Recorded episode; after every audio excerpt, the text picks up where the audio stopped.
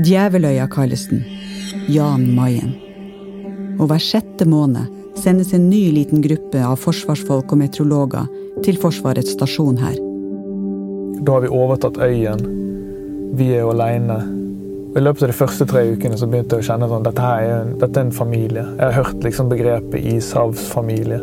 Men det var sånn det føltes. sant? Men en lørdag, seint i januar 2021, da treffer katastrofen denne lille ishavsfamilien. Så vi satt nå der, og så ringer plutselig broren til Bjørg, da. Og da var det som en eksplosjon oppi hodet. Hør skredet på Jan Mayen i våre historier.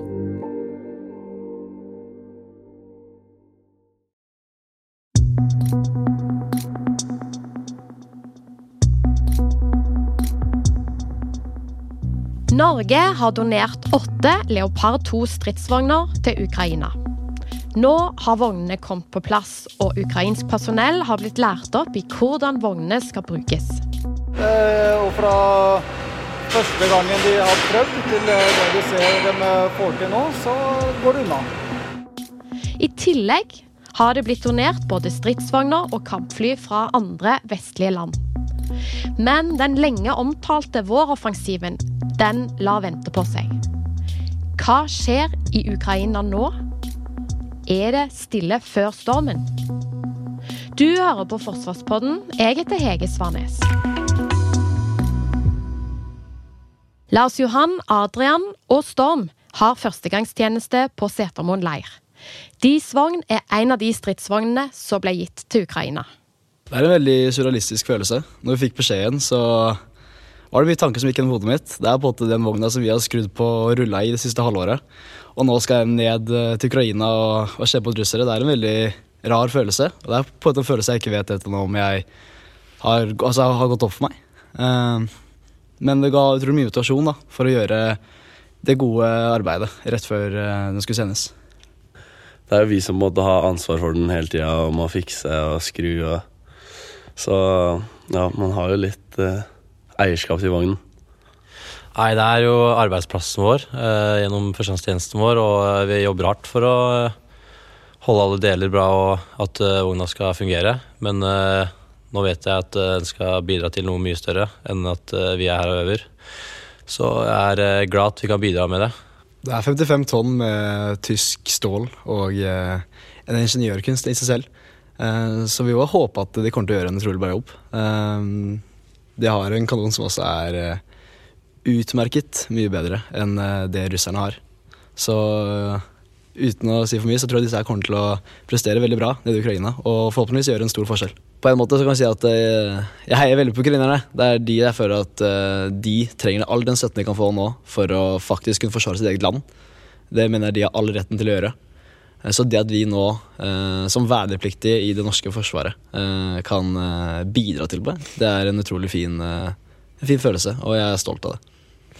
Vi er veldig heldige da, som i førstegangstjenesten kan bidra til noe som er så stort. Fordi det tror jeg det er veldig få folk som kan si det man gjorde i førstegangstjenesten sin. Og bidra til å hjelpe Ukraina når det er invadert av Russland. Så vi er heldige. Det er vi. Fra Norge ble åtte 50 tonn tunge stridsvogner flydd med et av de gigantiske Antonov-flyene til Polen. Der har ukrainske soldater blitt lært opp i hvordan vognene skal brukes. Vår kollega var i Polen under opplæringen og snakka med de som trener opp ukrainerne. Her ute så ser du at vi eh, har to skarpe Le 2 A4-er. Eh, og vi starta dagen med teorigjennomføring av hvordan vi har innskytning på stridsvogn. Det er for å få eh, granatene til å treffe der du vil gjennom siktet. Og nå har vi simulert med at vi har tegna opp ei innskytningsskive for dem med treffpunkt. Så det de lærer nå, og hvordan de skal skru inn slik at de får riktig oppsats og forsprang for den ammunisjonsløpen de skyter inn. Og du ser bak her nå, bak hver skytter, så står det en instruktør som har operert vogna tidligere og kan ha tett oppfølging og kunne veilede. Eh, min jobb her er å være instruktør for eh, de ukrainske soldatene eh, på Leopard 2A4. Eh, min hovedoppgave det er tårn og hovedsakelig skytter- og laderutdanning. Så det vi gjør, er at vi skyter et skudd, og laderen trener på å utføre korrekt prosedyre av ny lading av granatene. Det er en særdeles motivert gjeng som, eh, som ønsker å, å, å, lære. De er lærevillige og har en motivasjon uten like. Har ikke sett, opplevd maken til motivasjon for å, å, forstå og lære. Det sier vel noe om innstilling og kampvilje òg? Og her er det, det, er, det er, eh, altså Moralen deres er imponerende. Hvis ukrainerne eh, klarer å, å utnytte eh, vognas fulle potensial Eh, så kommer de til å gjøre det veldig bra. Eh, og så må vi ikke glemme at eh, det er veldig viktig for dem å si at Leopard 2 er også bare ett av verktøyene i verktøyboksen. For å få full utnyttelse av, av stridsvogna så må hele systemet deres virke. Altså et samvirkesystem. Og når hele systemet med sine støttevogner er på plass, så kommer det verktøyet her, den stridsvogna, til å bli et kjemperessurs. Hvis de klarer å få koordinert alt det her sammen, eh, og utnytta alle, eh, alle, disse her systemene på deres sterke måte, så kommer det til å bli eh, god effekt. Det er, jo, det, er et, det er, jo, et, voldsomt alvor over det her. Dere driver opplæring til soldater som skal rett i kamp. Ja. Hvordan føles det? Meningsfylt. Ja. Veldig meningsfylt å få lov å, å få den æren av å få, å få det oppdraget her. Eh, helt klart. Det er vel kjempemeningsfylt å, å klare og få, få, den muligheten til å lære de her nå, eh, som kan eh, være med og bistå og, og hjelpe dem i krigen. Oberstløytnant Palle Ydstebø, du er hovedlærer ved seksjon for landmakt på Forsvarets høgskole. Nå er de norske stridsvognene på plass i Ukraina, og det har blitt gitt opplæring i bruken av disse. Men det er fremdeles ganske stille i krigføringen i Ukraina. Er det stille før stormen? Ja, i den grad det er stilt, så det er lite bevegelse. Og det har vært lite bevegelse, men det har vært ganske mye harde kamper. Spesielt, og egentlig de siste sentrert mer og mer rundt Bakhmut. Um, når det gjelder det store bildet, så, så, kan, så, ligger det an til at det er stille for stormen. Alle forventer en ukrainsk offensiv. Det er, et, eh, det er et press på Ukraina på å komme i gang med en offensiv. Uh, og, og, i så måte så, så er, ser, en, ser, en, det som har skjedd ja, siste månedene, kanskje sågar siste halvåret, helt siden her sånn i alle fall, kanskje før den tid. Eh, som en ukrainsk forberedelse over flere måneder eh, på en, en offensiv nå i, på våren, sommeren nå i år. For den offensiven har det vært snakket om mye, og den går man jo og venter på. Men hva er egentlig en offensiv? En offensiv er en, vil i den sammenhengen her da, eh, det vil være en serie med angrep fra ukrainsk side. Lignende det vi så i, i fjor høst. Der hadde en da to uh, offensive operasjoner innenfor en, en, en, en overordnet offensiv. Det var da mot Kherson. Uh, og, den, uh, og, parallelt så slo de òg inn med, med Kharkiv. Uh, den litt spektakulære manøveren i, i, i to uker i, i, september. Og deretter så skifta de tyngdepunktet over til Kherson igjen, og tvang til slutt russerne til å trekke seg ut i november. Det vi vil se her, tror vi vil se noe lignende. altså Du vil ikke se én sånn massiv ferdig med krigen-offensiv. Det, det, det, ble det slutt på etter Napoleon. Men, eh, og det var det russerne prøvde på å mislykkes fundamentalt med i, i, fjor. Men det jeg tror vi ser, og som har vært norm i moderne krigføring, er en serie med offensiver som tar sine jafs av uh, det som er mulig å ta. Eh, så disse vil da styres strategisk i den forstand altså de vil rettes inn mot et overordna mål. Og så vil du da over tid akkumulere gevinst eh, i form av det kan være terreng, ødelagte styrker. Eh, du kan, du kan kutte forsyningslinjer osv. Så, videre og sånt. så jeg tror vi vil se ikke en sånn en kjempeoffensiv som avgjør krigen, men en serie med ukrainske offensiver. Kanskje forsøk på russiske motoffensiver, som da vil bølger kanskje flytta seg litt fram langs fronten, og, og, og, og da retta mot det som er da Ukrainas militære mål Eh, I alle, for, I alle fall for i år, da. Om ikke for hele krigen. Det kommer an på hvordan de ser på ressurssituasjonen og slikt. Så ikke ett stort slag, men det å ta jafs er det Ja, dette det handler om. ja. Men eh, når de får sånne donasjoner som de har fått nå, nå er det stridsvogner på plass, ikke bare fra Norge, også andre land har jo gitt eh, stridsvogner. Og de har også fått på plass disse eh, jagerflyene fra Polen, altså MiG-29. Em, hva vil alle disse donasjonene ha å si for eh, den videre utviklingen i Ukraina de kommende ukene og månedene, kanskje? Ja, det, det vil bidra til at, eh, at Ukraina kan sette opp en del brigader. Eh, Antallet er litt usikkert. Det kommer an på hvor mye, de ender opp med å ha operativt når de drar i gang, og hvordan de velger å fordele materiell. Eh, Som, som er kvalitativt, materiellmessig i alle fall, atskillig bedre enn en, en russerne. Og hvis Ukraina klarer å holde det kvalitetsmessige forspranget når det gjelder både offiserene sine og soldatene sine, som de har vist i forhold til, til, til russerne, så kan du, kan du eh, disse her eh, brigadene da, med det vestlige materiellet gi den nødvendige ekstra kampkraften og kvaliteten som trengs for å virkelig eh, lykkes med disse her eh, ulike eh, offensive operasjonene som de kommer til å gjennomføre. For kan du hjelpe oss å tegne et bilde av eh, ukrainsk versus russisk side nå? Sånn med tanke på materiell, utstyr, eh, personell. Ja, eh, det, ble skissa, det ble ikke et bilde. Informasjonen her er, er usikker på, begge sider, og begge parter har driver en aktiv informasjonsoperasjoner for å forme oppfatningen til motparten, og ikke minst til oss og, og seg sjøl. Men som det ligger an til, så har Ukraina virker i større grad enn Russland har, har enklere å rekruttere folk. Eh, De, de, til å begynne med så var det mye frivillig, men etter hvert har de måttet skrive ut òg. Uh, og de har, de har hatt en mye større reserve å spille på enn russerne. reserve som har krigserfaring fra Donbass, fra krigen starta i 2014 og, og fram til, til russerne invaderte i februar i fjor.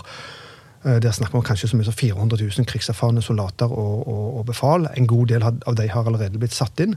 Og så har de um, fått såpass mange frivillige at de har kunnet, kunnet trent opp og, og forberedt uh, der. På russisk side så, så huset vi den såkalte mobiliseringa de hadde i september i fjor, som var mer å betrakte som en tvangsrekruttering enn en, en mobilisering, som vi kjenner det. Så på personellsida så har russerne hatt problemer med å erstatte den regulære hæren, som tok store tap i, i krigens første måneder. Klarer Ukraina å fylle på eh, Det, vir det virker som Ukraina har klart det, og de har nok vært bedre til å føre ha en krigføring som, eh, som sliter mindre på egne styrker. Russerne virker som om de Det virker som de tror de har kan man si, det er fem millioner mann i Sovjet, gamle sovjetarmeen i ryggen. Når en ser på måten de har forbrukt eh, og brukt soldater. Men det har de ikke. De, de, de har store problemer med, med, å få tak i nye folk. Uh, og de, de har òg en sånn Det virker som de har en sånn politisk begrensning med hvor- harde tiltak de våger å sette inn for, for egen befolkning til å rekruttere nye. Så der har det vært en hel mengde tiltak en har sett i det siste, med løfter om uh, penger, uh, pensjoner uh, og, og erstatninger osv. for å få folk til å verve seg. Men det, det er det er, problemet til Russland er at de mista store deler av den varva hæren sin uh, i, uh, i fjor, og for så vidt det de har brukt i, i vinter sammen med, med, med Wagner-grupper mot i offensiven i Donbass. Sånn at hvorvidt de da har nok erfarne soldater og erfarent befal til å, å sette opp avdelinger i, altså på brigadenivå og større, da, som kan gjennomføre litt mer koordinerte operasjoner, er, er usikkert. Og det er jo, det, det er jo den det som er med å, å skape usikkerhet om, om uh, utfall av en av ukrainsk offensiv. Da. Altså, det handler jo mye om om russerne klarer å bemanne alle forsvarsverker som de har bygd ut, og har de reserver som kan kontra uh, usikkerheten med det ukrainske uh, støtet der. Når det gjelder materiell, så er har en litt rimelig trekk på hva Ukraina har fått, og hva de har, uh, ut ifra hva tap som meldes og, og slikt. Uh, de har berga materiellet sitt bedre enn hva russerne har gjort. Når de, de har erobra såpass mye at de, de selv om de har tatt en del tap sjøl, så, så har de klart å holde et sånn rimelig antall oppe. Og det vestlige materiellet har vært med og kompensert for en del av de tapene de har tatt. Og det er jo en dobbeltkompensasjon både i antall, men ikke minst i kvalitet. Og så gir ukrainerne sine soldater en atskillig bedre utdanning enn på russisk side.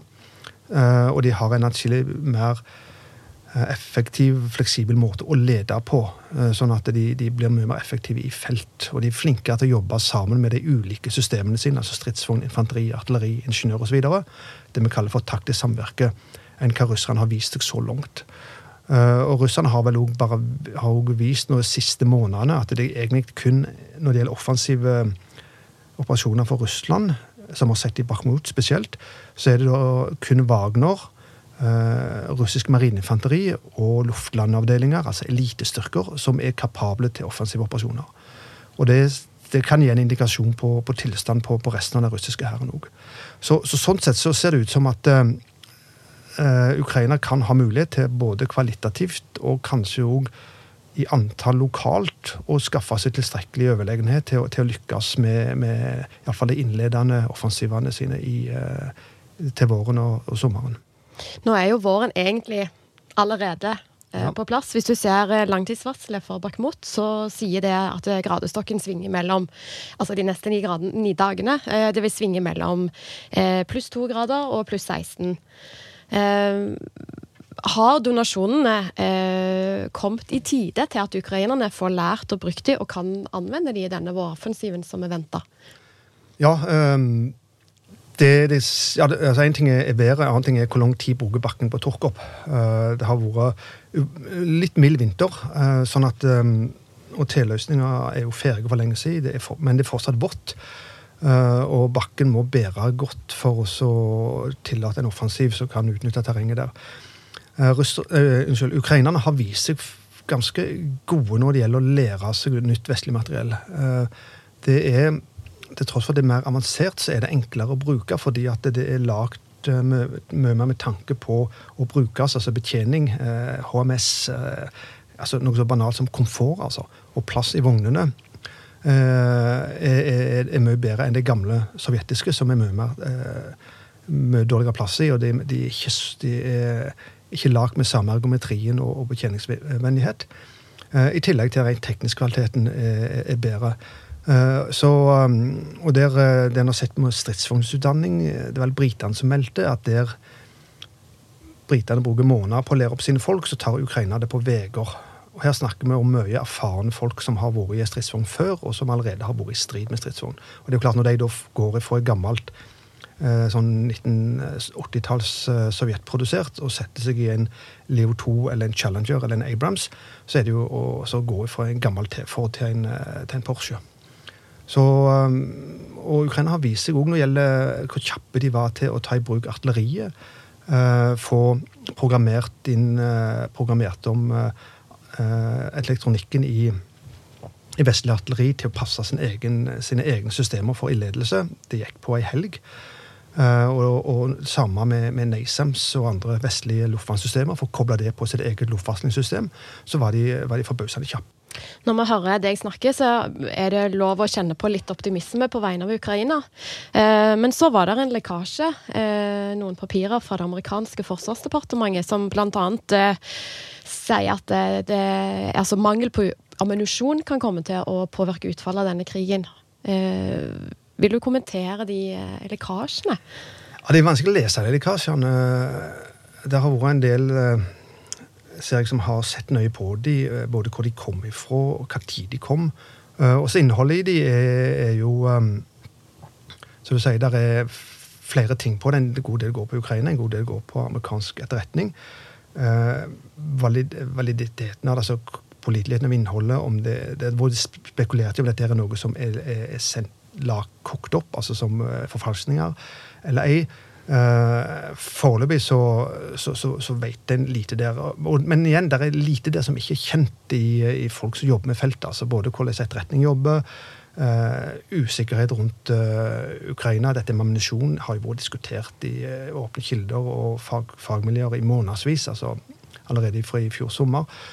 Eh, det jo, men det gjelder jo begge sider. Eh, for det har vært tendenser eh, de siste månedene til at både Russland og Ukraina har virker som å ha rasjonert spesielt på artilleriammunisjon.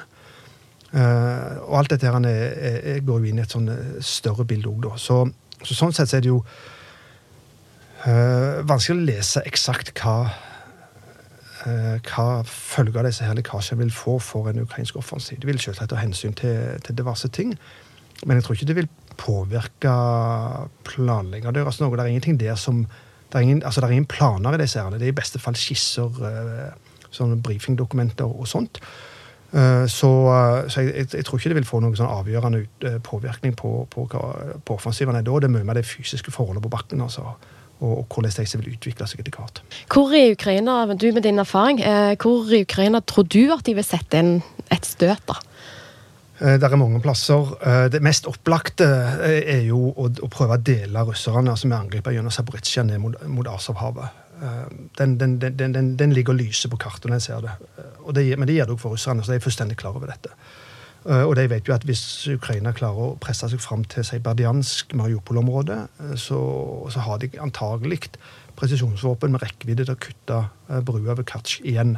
Og da vil egentlig hele den sørvestre delen av den russiske styrken være avskåret det er jo en, eh, For Ukraina vil det være en drømmesituasjon. Um, men den er samtidig sånn ekstremt opplagt. Eh, så å klare det med ett støt, hadde de klart det, så hadde det vært ganske imponerende.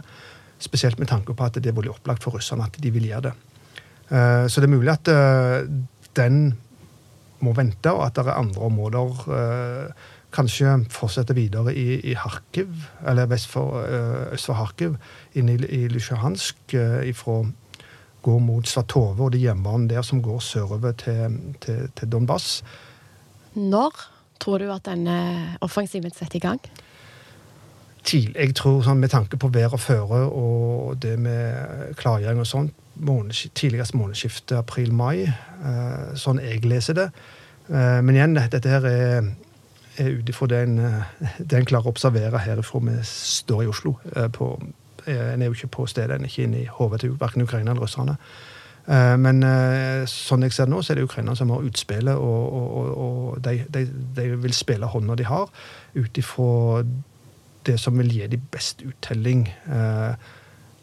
Ikke nødvendigvis på kort sikt, men på, på, på, lang sikt. Så jeg tror de, På meg så virker det som de tenker egentlig strategisk fram til avslutningen av denne krigen, og la det styre hva retning disse her offensivene vil få.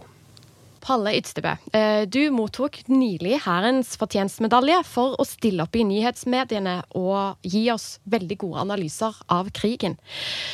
Tusen takk for at du kom her til Forsvarspodden. Takk skal du ha. Du har hørt på Forsvarspodden.